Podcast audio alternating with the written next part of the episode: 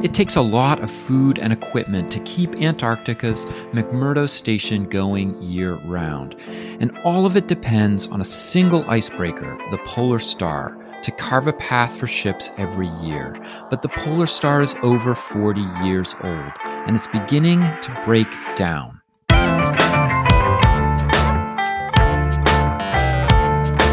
It's time to eat the dogs. I'm Michael Robinson. Today, Richard Read talks about the troubled life of the Polar Star. Read is the Los Angeles Times bureau chief in Seattle and the winner of two Pulitzer Prizes for his investigations on the Asian financial crisis and on abuses by U.S. immigration officials. His article on the Polar Star was published in the August 2nd edition of the LA Times. Richard Read, thank you so much for talking with me. Well, it's a pleasure, Michael. So the United States currently has one heavy icebreaker. That's the U.S. Coast Guard cutter Polar Star. Could you describe it a little bit and maybe tell us what does the Coast Guard use it for? Yeah, so the Polar Star uh, was built uh, 43 years ago. Uh, it was supposed to last for 30 years. Uh, it's this rather huge, ungainly looking ship with a bright red hull and a big boxy superstructure up top. And what it's meant to do every year is to break ice uh, off of Antarctica to resupply the uh, scientific bases down there, McMurdo and Amundsen Scott bases, where there are about a thousand scientists that need food and supplies for the year. Uh, so that's about an 11,500 mile journey from the Polar Star's home port in Seattle uh, down to McMurdo Base. And uh, it's a 75,000 horsepower uh, machine. It's uh, 399 feet long and 83 feet wide. That's actually really wide. So it's shaped like a football. And the point is, when you're breaking ice, uh, you need the width to kind mm. of as a wedge through the ice, but also uh, it's shaped like a football, so both the bow and the stern are pointed. That way, uh, you can back up and break ice to avoid getting stuck. And is the uh, Polar Star the primary vessel that supplies and provisions McMurdo? Yes. So it's the only U.S. ship that's capable of breaking uh, ice that's as thick as, as what it gets in Antarctica. Uh, there's another icebreaker, which is also the only other icebreaker that the U.S. has that, of that class or approximating that class is the Healy, also based in Seattle. That's a uh, medium icebreaker, right? Is it actually um, qualified to go through the, the heavy ice? Right. It, it can only break thickness of ice that you would more typically find in the Arctic, which is bit thinner. So it can't bail out the uh, the polar star if the polar star gets stuck down in Antarctica. So you actually sailed with the Polar Star for part of its voyage. Could you talk about that and and maybe some of the things you noticed about the ship while you were uh, sailing with it? Sure. So what happened was I started work on this story, and the idea was in the story to reconstruct the most recent voyage that the Polar Star had uh, done down to Antarctica, and it was a particularly eventful and kind of harrowing voyage with a lot of misadventures. Uh, and so I started out by literally walking from my uh, home office in Seattle over to where it's berthed uh, down at the Coast Guard station and interviewing uh, members of the crew. But then as I got further into it, they said, you know, uh, every year we take the ship uh, to dry dock and the location varies, but this year the contract to do that is in Vallejo, California, off of San Francisco Bay. So, would you like to, perhaps with the photographer, Brian van der Brug, ride the ship? Uh, it takes a few days and we'll go from Seattle down to Vallejo. So, that's what we did. Do you feel that um, that kind of a, a, voyage, meeting the crew, talking to the crew, gives you a kind of different uh, perspective on this story than uh, interviewing them, you know, in the docks in Seattle? Oh, it was just a whole different experience. We were so lucky to be able to do it because you know, the initial interviews were with a ship's officer sitting uh, in a conference room on the ship with members of the crew filing through and a bit nervous and very formal. But as soon as we got on the ship and it was actually working, And uh, the Coast Guard was so great because they let us just wander around anywhere on the ship, and uh, and then you could really get to know members of the crew over a, a longer period of time, and also experience what it is that they're they're doing. And in typical form, uh, we got about 20 minutes into this three day voyage, and the ship broke down within sight of the Space Needle in Elliott Bay in Seattle. And so they spent, uh, that was in the afternoon, and it took them until past midnight to fix it. And so they decided to hang it up for the day. And then we took off the next day and went out the Strait of Juan de Fuca and 26 miles out into the Pacific and essentially just turned left and went south. And uh, so all sorts of amazing things happened, including when I was uh, below decks at one point interviewing a member of the kitchen staff. The whole ship just started shaking, and I went running up to the bridge. I said, "Well, what what happened?" And they said, "Well, we uh, we almost hit a whale." so uh, that is definitely a huge theme in your article that the polar star seems to be constantly plagued by various breakdowns and also uh, the kind of incredible resourcefulness of the crew. You uh, actually profile the chief engineer, Brad Jopling, for example, in the LA Times article. I was wondering if you could talk about some of the headaches that he had to deal with uh, on this on this cruise that you uh, profiled. Yeah, Brad is, a, is an amazingly resourceful guy. In fact, he is the son of a uh, heavy diesel mechanic up in northern Montana. And sometimes when he gets in a jam, he'll call his dad, who's also a Coast Guard veteran, and they'll talk over you know these giant pieces of machinery that Brad's struggling with more out at sea. But yeah, I mean he's so he's the chief engineer and he's got uh, a big staff and he needs them. They work at all hours. Uh, because this ship is, is really in bad shape. It, it lists to port, but the sewer pipe strained to starboard, so you can imagine the problems that causes. It leaked uh, in the ice when they were down there breaking the ice this last year, and Brad had to get down in this tiny compartment uh, with the water spraying in and uh, in a dry suit. The water was up to his neck. He was there with an assistant trying to, to plug the leak. They couldn't do it. Uh, so they had to send divers down on the outside with ropes and plastic wrap to try to stem the flow. Uh, they had a couple of uh, major fires at sea, including an incinerator fire that raged for a few hours. And uh, so it's a challenge every day to keep it going. Yeah, I was thinking about this. If you have a vessel like the Polar Star, which is basically the only vessel of its type now uh, within the Coast Guard and is a very specialized ship to begin with, you probably instantly run into issues with replacement parts. Uh, how does the crew deal with these routine breakdowns? That's a great question. In fact, on a previous voyage, uh, when a generator quit, he used a surfboard repair kit uh, to make the repair and later got a commendation from the Coast Guard commandant. um, but there is a ship, I think it was uh, built right around the same time, uh, which is called the Polar Sea. And it is uh, berthed also in uh, Seattle, but it had a catastrophic engine failure in 2011. And ever since then, it's become a parts donor.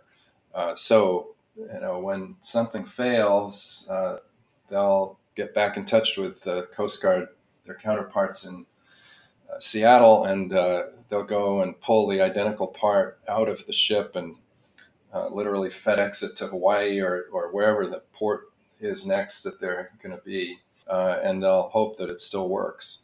So, do you get the impression that ships just do this? Ships break down. They have a lot of uh, moving parts, and so there's a lot of breakdowns over time. But that other vessels, because they have, let's say, uh, better equipment on hand, they can make these changes more quickly or do you think it's something about the nature of the kind of voyages that the polar star is making that that incline it towards these kinds of you know constant breakdowns? Yeah it really is uh, well the fact that it's so old it's already 13 years past what it was designed to last. But essentially it's because of the ice breaking itself. It's an unbelievably violent enterprise as they describe it and i've seen videos of it uh, where they have a kind of a crow's nest way up top of the ship, and there's uh, somebody up there, a special pilot who knows how to break ice, uh, and they have to break this last year. It was 17 miles. Depends on you know the temperatures over the season, but they had to get through 17 miles of ice to get to McMurdo. I think the worst it's been is 97 miles, and they literally just have to back up and ram the ice. Hmm. Uh, so the, sh- the bow of the ship will ride up on the ice and then come crashing down and break it up. And you see videos of penguins scattering, and you know, uh, it just makes the whole ship rattle and shake. And so bolts and parts just keep breaking loose. Uh, it's just a lot of wear and tear.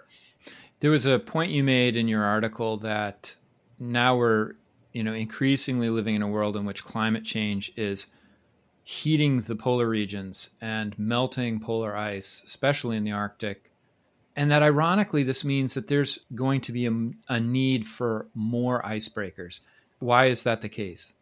Well, what happens is when you have less ice up in the Arctic, then that opens shipping lanes and fishing areas and areas for mineral exploration uh, you get uh, military ships up there as well. So there's a lot more activity up there, and that means that there's need for icebreakers to bail out ships when they get stuck or to brace, break ice ahead of them. There's also a lot of research uh, conducted up there. The Healy uh, has helicopters that send scientists out and a lot of specialized equipment to do that. So the Russians are all over this, and they're building more icebreakers. They'll soon get to a total of 50 icebreakers, where we only have the two that are suitable for polar duty. So the Coast Guard has been pleading with Congress to get funding to build more ships. Yeah, I was struck by that when you think about the, the polar regions are such symbolic places, uh, in addition to being real places. But you know, certainly for over 200 years have been very important symbolic places.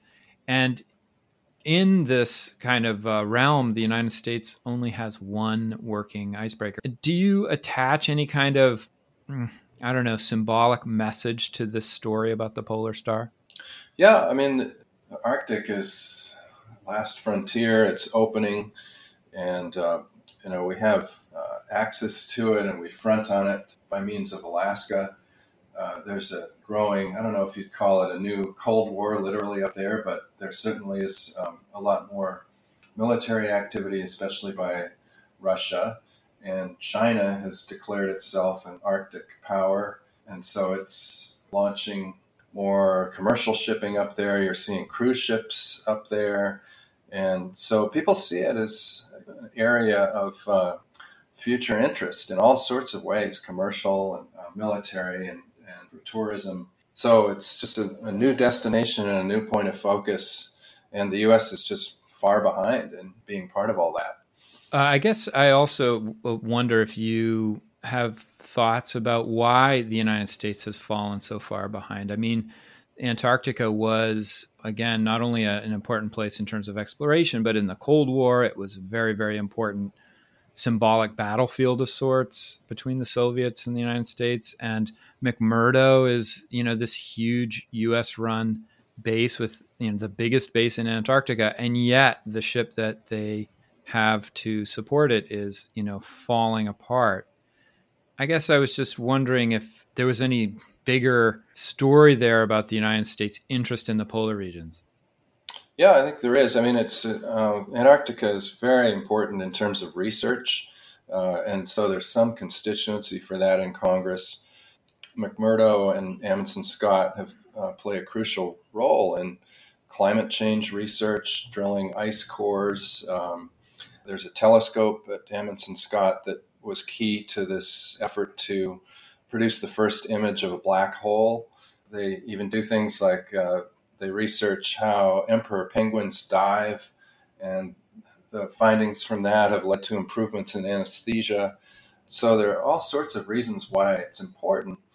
But if you're talking about a member of Congress thinking about an appropriation, uh, it's a lot more flashy to put money toward a drug interdiction ship uh, for the Coast Guard off of your home district than it is to support something in Antarctica. And uh, when the Coast Guard was pleading for funding for a replacement ship for the Polar Star, money kept getting diverted in different stages of the congressional process, at times for projects like Trump's wall.